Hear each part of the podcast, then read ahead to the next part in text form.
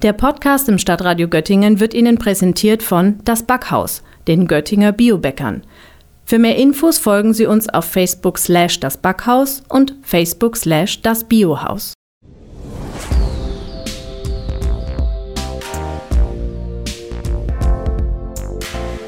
Stadtradio Göttingen. Im Gespräch. Der 29. Februar ist der Tag der seltenen Krankheiten. Aus diesem Anlass haben wir mit Betroffenen gesprochen und eine Mutter getroffen, deren Kind am Dravet-Syndrom leidet. Dabei handelt es sich um eine frühkindliche Form einer epileptischen Erkrankung, die sehr selten ist. Nico Mader hat sie interviewt. Die Namen der Betroffenen haben wir aufgrund des Schutzes der Privatsphäre geändert. Das Gespräch hören Sie jetzt. Guten Tag, Frau Schneider. Ihr Sohn Paul hat das Dravet-Syndrom. Wie genau merkt man das? So als solches merkt man es gar nicht, weil das eben halt eine Epilepsieform ist, die bei uns glücklicherweise, muss man sagen, äh, in einem milden Verlauf äh, sich gerade entwickelt hat. Das bedeutet, dass nicht wie bei anderen Kindern äh, wir da mehrere Anfälle pro Tag erleiden, sondern da es eben halt im Moment so fiebergebunden ist, dass dann da eben halt doch ein sehr starker Anfall entstehen kann, äh, das bedeutet, dass es eben halt bis hin zum Atemaussetzer führt und dann eben halt zu einem sogenannten SUDEP kommen kann. Also ein plötzlicher Tod im Prinzip im, im äh, Verlauf eines Anfalls. Und, und dieses Phänomen ist als solches eigentlich nicht ganz klar beschrieben, warum eben halt dann ist gerade bei dieser Form der Epilepsie dann das Atemzentrum sich insbesondere von dem Gehirn dann ausschalten kann. Und deswegen muss man da insbesondere eine nächtliche Überwachung haben, weil im meisten Fall ist es so, dass bei uns die Anfälle auch über Nacht kommen. Ja, und, und da eben halt, wenn es da unentdeckt bleibt, dass es eben halt dann zu diesem dramatischen Fall kommen könnte, zu diesem SUDEP. Und wie macht man das oder wie regelt man das mit der nächtlichen Überwachung? Das ist eine sehr gute Frage, da es im Moment ja doch schon durch Technologien sehr viele Möglichkeiten gibt, mit einem Armband den Puls und dann auch die Sättigung vom Blut zu messen, wie man es auch ähnlich einfach kennt aus dem Krankenhaus. Da diese aber teilweise ziemlich fehlerbehaftet sind und auch, oder es gibt auch zum Beispiel Matten, die eben halt auf Bewegung oder äh, auch auf ähm, Atmung reagieren und die sind aber sehr fehleranfällig, sodass Paul mit bei uns im Bett schläft. Wie war das, äh, bevor man das diagnostiziert haben? Wie haben Sie genau gemerkt, da müsste man vielleicht doch medizinisch nochmal einen genaueren Blick drauf werfen? Das war sehr ähm, ja, dramatisch, weil es ist ja, wie bereits schon einmal erzählt, es ist das vierte Kind. Und zur Geburt war er sehr groß gewesen, war auch wieder spontan. Also ich will mal sagen, Schwangerschaft vollständig unauffällig, die äh, Geburt eben halt aufgrund seiner Größe, vielleicht jetzt mal anders als bei den anderen, war aber auch alles spontan. Die ganzen ersten U-Untersuchungen vollkommen unauffällig, ohne dass man jetzt gemerkt hätte, dass er eigentlich äh, an dem äh, Dravet-Syndrom leidet oder erkrankt oder wie man das jetzt sagt, da diese genetische Mutation vorliegt. Und ich weiß noch, wir waren, das war im neunten Monat und wir waren bei meinen Eltern äh, im Urlaub und ich habe nur, wir haben ihn einfach abends Bettritual, wir haben ihn dann in, in, ins Bett gebracht oder ich habe ihn dann ins Bett gebracht mit den anderen dreien, die haben alle, äh, vieren, die haben da alle zusammen geschlafen und auf einmal drehte er sich nur rum und hat nur angefangen zu zucken. Und da wir bis dahin, bis zu diesem Zeitpunkt überhaupt noch nie in irgendeiner Form ja auch einen Anfall gesehen hatten, auch familiär vorbedingt nie äh, mit Epilepsie äh, äh Berührungspunkte hatten, habe ich gedacht, er hatte sich verschluckt war auf alle Fälle, weiß ich, nur noch richtig panisch. Habe mein Schwager, der zu dem Zeitpunkt auch da war, das Kind in die Hand gedrückt und ich habe gesagt, hier nimm. Ich habe nur den Krankenwagen angerufen und äh, da war der erste Anfall auch wirklich lange, 15 Minuten. Also für uns kam es dann natürlich noch viel länger vor. Ist vollständig blau angelaufen und ich hatte nur immer so im in Gedanken, er hätte sich irgendwo verschluckt und äh, das war es jetzt im Prinzip, weil er kam danach auch in dieser Erschlaffungsphase. Also wie gesagt, wir hatten überhaupt keine Berührungspunkte mit Epilepsie vorher und ja, dann äh, lag er dann einfach nachher, sage ich jetzt mal regungslos, nicht unbedingt, aber einfach in dieser müden, schlaffen Phase. Und ich dachte, das war es jetzt wirklich. Und dann kam irgendwann der Krankenwagen und wie etwas aufgewacht und als wäre überhaupt nichts gewesen. Okay, das Fieber war auch da, eigentlich nicht hoch jetzt, war 38, aber das hatte sich dann weiter gezeigt, weil wir sind dann ins Krankenhaus stationär gekommen und zwei Tage später lagen wir da immer noch mit 40 Grad und die epileptischen Anfälle haben gar nicht mehr aufgehört. Also er hatte dann äh, in der Nacht nochmal einen längeren Anfall und auch an den folgenden zwei Tagen und keiner wusste eigentlich wirklich, was es ist. Sie haben nur gesagt, ja, es wäre ein, ein, ein schwieriger Verlauf von den Anfällen, aber für mich war das so befremdlich und ich habe einfach alles nur so im Kopf gehabt, weil wir waren mitten im Umzug von Stuttgart nach Göttingen. Wir haben zu dem Zeitpunkt einen Hund gekriegt und ich habe mir einfach über alles Vorwürfe gemacht, wie man das so als Mama machen kann. Ja, warum haben alle anderen drei nichts und er kriegt jetzt diese dramatischen Anfälle und dann hieß es immer noch, ja, vielleicht ist das eine bakterielle Infektion, dann wurde das Nervenmarkswasser äh, äh, untersucht, dann, ach, ich weiß nicht, wir haben alle möglichen Untersuchungen gemacht. Ich habe mir nur Vorwürfe gemacht, weil ich nicht wusste, was es sein kann. Jetzt blicken wir mal auf den konkreten Alltag.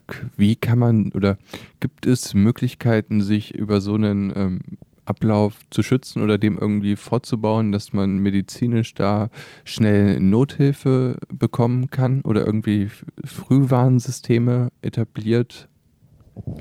Also der Alltag, das ist, glaube ich, ganz interessant. Man muss ja dann erstmal, man muss ja dann noch weiter gucken, wie kommt es überhaupt zu dieser Diagnose dann, ne? Weil natürlich sind wir da ins Krankenhaus gekommen und wir haben dann Tatsache zwei Jahre gebraucht, bis überhaupt jemand äh, das tatsächlich festgestellt hat, was er hat. Und es war wirklich ein Leidensweg, weil ähm, pfützentägig nachher. Also es ist auch immer noch, also äh, im Vergleich zu anderen Dravé-Kindern, die es wirklich täglich kriegen, haben wir es dann vielleicht pfützentägig gehabt. Aber keiner konnte uns sagen, wirklich, woran es lag. Und er saß am Essenstisch und hat einfach angefangen zu zucken, mitten beim Essen und dann wussten wir, okay, er hat jetzt aber nur einen warmen Pullover an. Also es war dann nicht mal mehr, dass man sagen konnte, es war jetzt ein dramatischer Fieberanstieg, sondern es war wirklich nur ein zu warmer Pullover in der Kita umgefallen und dann haben wir auch immer einen Krankenwagen angerufen, weil ich wusste immer so im Tiefen irgendwie, es ist jetzt nicht nur ein in, in Fieberanfall ne, oder so, weil wir jetzt Fieber kriegen, sondern das kam manchmal äh, einfach auch nur aus der Bewegung raus. Ich weiß, in Ulm hatten wir auch dann tatsächlich so ein ganz schlimmes Ereignis, dass er dann immer auf so einem Kletterturm hoch und runter, hoch und runter, hoch und runter und dann auf einmal ist er tatsächlich bei, bei diesem Kletterturm eine Ebene runtergefallen und hatte so einen schlimmen Anfall, dass dann nur der Krankenwagen oder der Notarzt zu mir gesagt hat, oh Mensch, haben Sie mit plötzlichen Kindstod zu tun in der Familie? Und ich habe gedacht, um Himmels Willen, was erzählen Sie mir? Ja, ich sage, nein, habe ich nicht. Ich bin nur dann aus dem Krankenwagen, mir war so schlecht. Natürlich haben sie ihn da, ich weiß jetzt ehrlich gesagt in diesem Moment nicht, wie medizinisch wiedergeholt, haben ihn beatmet. Ähm, und es war okay und wir sind wieder im Krankenhaus und er springt da wie ein normales Kind umher, sodass dann auch immer wieder die Resonanz von den Ärzten war. Naja, Frau Schneider, das ist jetzt hier nee, das, das kann jetzt hier nicht sein. Sie irren sich. Sie, man kann auch überreagieren. Und nein, man kann nicht überreagieren, weil es war, egal wenn die Anrufe nachher kamen, muss ich auch klar sagen, hat es mit mir psychisch und einfach so viel gemacht, dass ich dann sogar Sturzbluten bekommen habe, einfach nur auf dem Weg hin zur Kita weil ich immer wieder gedacht habe, oh nein, irgendeiner muss uns doch jetzt einfach wirklich mal helfen und das auch verstehen. Und ich habe es immer wieder gesagt, wie das so bei uns zu Hause passiert ist, wie die Anfälle auch aussehen. Und selbst wenn ich es nachgemacht habe, das Anfallsmuster, nein, also das müsste so aussehen und das müsste so aussehen. Und dann sage ich, nein, ich habe es aber so gesehen. Und da waren wirklich wenig, ja, die vielleicht das Bild auch gar nicht kannten von diesem Dravet-Syndrom. Und demzufolge dann waren wir dann eben auch in der Kita dann wieder und, und da war so ein großer Anfall. Da hat der Notarzt gesagt, ja, wir fahren jetzt in die Uniklinik. Da sage ich, wir brauchen da nicht hinfahren. Wir waren jetzt so oft da und die glauben uns das nicht, was passiert. Und dann sagt er doch, er hätte das jetzt alles gesehen. Und da war Paul auch ganz äh, weggetreten, sage ich jetzt mal, und hat lange gebraucht, um wieder zu sich zu kommen. Und hatte gesagt, nein, ich helfe Ihnen jetzt und wir werden da jetzt eine Möglichkeit finden, dass das äh, hier aufgeklärt wird. Dann ging es so weit, dass wir dann auch hier zum Arzt gekommen sind, wo wir aber Medikamente verschrieben bekommen haben, was bei uns eigentlich dann auch nicht nachvollziehbar war. Also das war dann ja, dann hieß es, ist nur für 16-Jährige zugelassen und ja, wir beproben das jetzt und bei einem Drittel der Kinder äh, entwickelt sich aggressives Verhalten. Und dann saß ich zu Hause mit meinem Mann und wir haben gesagt, wir können ihm das doch gar nicht geben, wenn wir doch gar keine wirkliche Diagnose haben. Natürlich haben wir das dann abgewogen. Wie ist jetzt häufig die Anfälle? Wie haben wir es bis jetzt bewältigen können? Und dann bin ich so stur geblieben, dass ich nachher gesagt habe, ich möchte jetzt einen Arzt wirklich reden, der mir erklären kann, was diese Medikamente machen, der sich mich anhört, was wir hier haben. Und dann sind wir hier jetzt eben halt zu Professor Brockmann gekommen beim SPZ. Und ich habe mich zehn Minuten unterhalten. Er hat mich einmal gefragt, woran denken Sie denn, woran es liegen kann oder was triggert jetzt so einen Anfall? Und da sage ich nur der Temperaturwechsel. Und dann hatte sofort gesagt, okay, die Analysen hatten wir jetzt hier vorher gemacht. Also dadurch, dass wir in Ulm waren, hatten wir auch umfassendes Portfolio zwar bekommen, aber auch alles ohne Diagnose. Und da hatten wir innerhalb von 14 Tagen dann tatsächlich äh, die Nachricht, dass es da eine genetische Mutation vorliegt. Und da waren wir wirklich einfach froh. Wir haben es auch bis dann eigentlich gar nicht verstanden, was dieses Dravet-Syndrom bedeutet. Weil auch wenn wir natürlich einen milden Verlauf haben, das heißt jetzt, er hat sich motorisch sehr gut weiterentwickelt, aber man kriegt jetzt schon mit, äh, zum Beispiel, dass er sprachlich unterentwickelt zu sein scheint. Oder also man kriegt einfach jetzt mit, umso älter er wird, ist es einfach, dass es sich vielleicht wie drei oder vier Jahre anhört, obwohl er jetzt eigentlich schon fast sechs ist.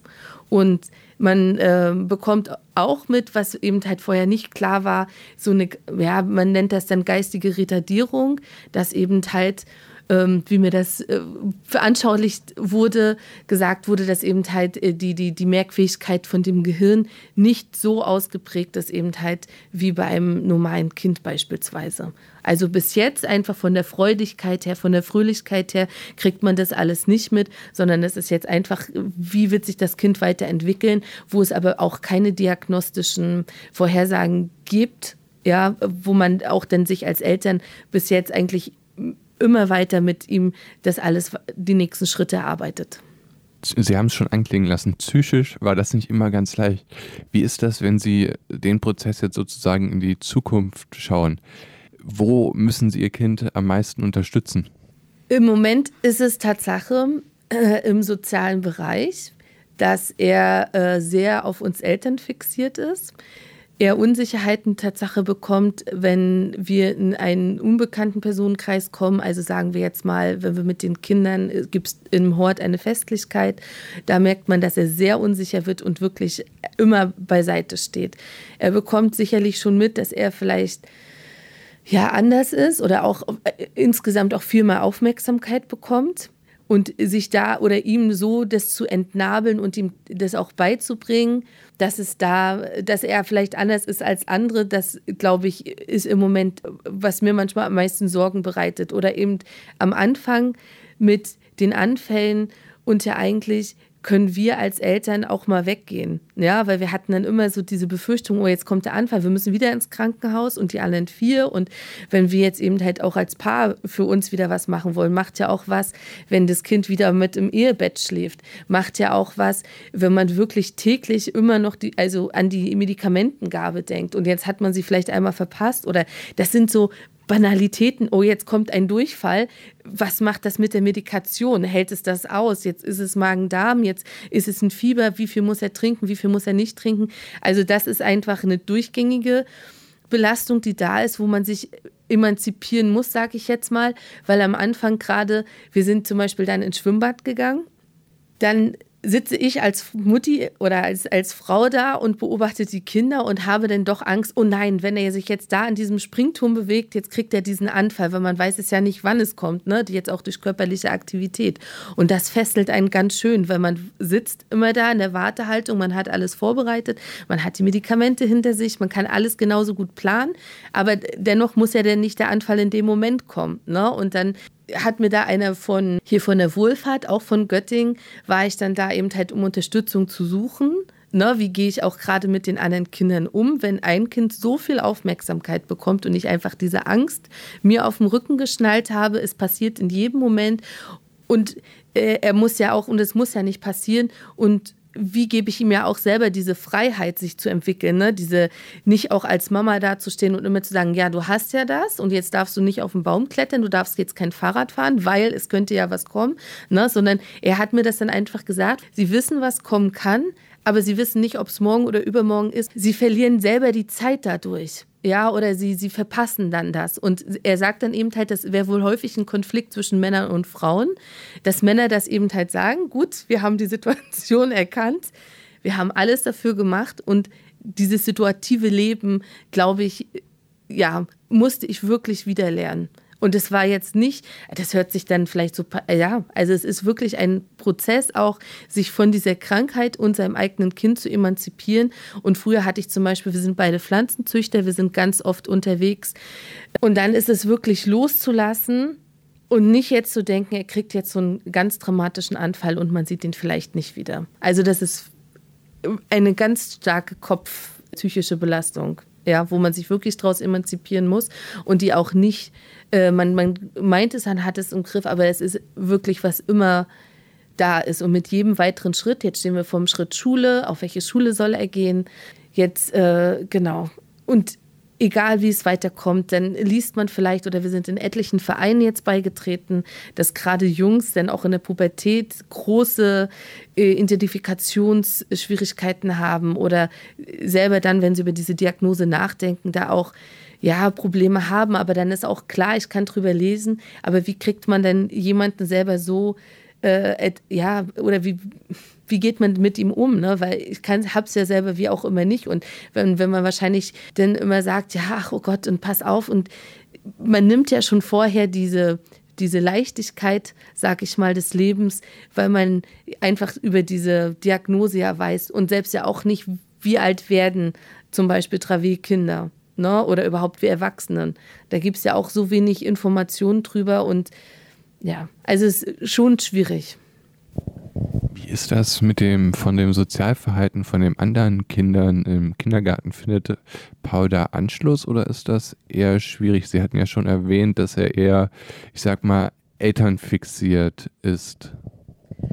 Also das ist eine interessante Sache. Paul ist ein Sturkopf und hat natürlich seine kreativen Ideen ist aufgrund aber von der Medikation beispielsweise, wirkt er schläfrig oder äh, das mischt sich dann alles. Und da kommen häufig auch gerade die Fachkräfte, muss man klar sagen, an die Grenzen, weil wir haben sie natürlich darüber informiert, auch wenn Mittagsschlaf ist, dass dann zum Beispiel die Anfälle äh, möglicherweise stattfinden können. Also da wurde dann auch alles vorgesorgt. Aber man merkt dann auch, und das kann man den Erziehenden auch nicht nehmen, diese Angst, oh, jetzt passiert was. Und dann eben halt auf der anderen Seite dieses Verständnis, ja, er hat die Medikation, ist deswegen vielleicht auch müder oder schlaffer nach vielleicht äh, geistiger äh, Beschäftigung, ne? also wenn sie was basteln sollen. Und dann ist es na klar, wenn er mit den anderen Kindern spielt, äh, ist es, äh, dass er schon äh, erwachsener agiert als wahrscheinlich jetzt gleichaltrig und das kommt natürlich dann, dann schon zu Konflikten. Wenn manche da noch sehr äh, Jungs oder Mädchen insgesamt äh, wohlbehüteter sind, man kriegt dann schon mit, dass da einfach, ja, es, es, es harmoniert nicht oder er ist dann einfach so im, im, Schnitt drüber, obwohl ich dann wiederum sagen würde, emotional wieder auch drunter. Ich weiß nicht, wie ich das sonst erklären kann. Wie äußert sich das? Äh, Paul greift dann bei einem Puzzle anstatt nach 200 Teilen nach 1000 Teilen? Äh, ich glaube, er greift nach gar keinem Teil, wenn es, wenn es beim Puzzle ist, sondern er ist dann lieber, dass es schon gröber sein muss. Ja, also im, im ersten äh, Anlauf. Von medizinischer Seite gibt es da irgendwie etwas, wo man sagen könnte, wenn ich dazu Zugang hätte oder das eine Therapieform wäre, man da irgendwie vorbauen könnte, dann würde mich das im Alltag unterstützen mit dem Umgang mit Paul. Egal welche Form zur Aufklärung beiträgt, äh, sind wir, befürworten wir. Also zum Beispiel wissen wir, gibt es jetzt eine andere Arbeitsgruppe, die eben halt tatsächlich nochmal genau äh, die, die genetische Ursache unterstützen wollen. Je, also für uns hilft es im Alltag erstmal überhaupt, wenn wir besser aufgeklärt sind dass wir auch eben halt anderen einen besseren Umgang geben. Wir würden uns wahrscheinlich dann auch anders Gedanken machen, perspektivisch. Sehr gut finden wir gerade die weiteren Entwicklungen, alles, was zur nächtlichen Überwachung äh, getan wird, dass eben halt auch diese Entkopplung aus dem Bett heraus geschieht. Weil es ist jetzt auch so, es, dass natürlich, wenn er bei uns schläft, man kriegt es schon anders mit, aber es gibt ihm auch ein anderes Sicherheitsgefühl. Also dadurch, dass er näher ist und er weiß, er hat was Besonderes und er schläft bei uns über Nacht, gibt es ihm ein anderes Sicherheitsgefühl, als äh, wenn er im Moment eben halt dann einfach an so einen rote Leuchtefinger kommt. Das war ein Beitrag von Nico Mader. Er hat mit einer Mutter gesprochen, deren Kind das Dravet-Syndrom hat.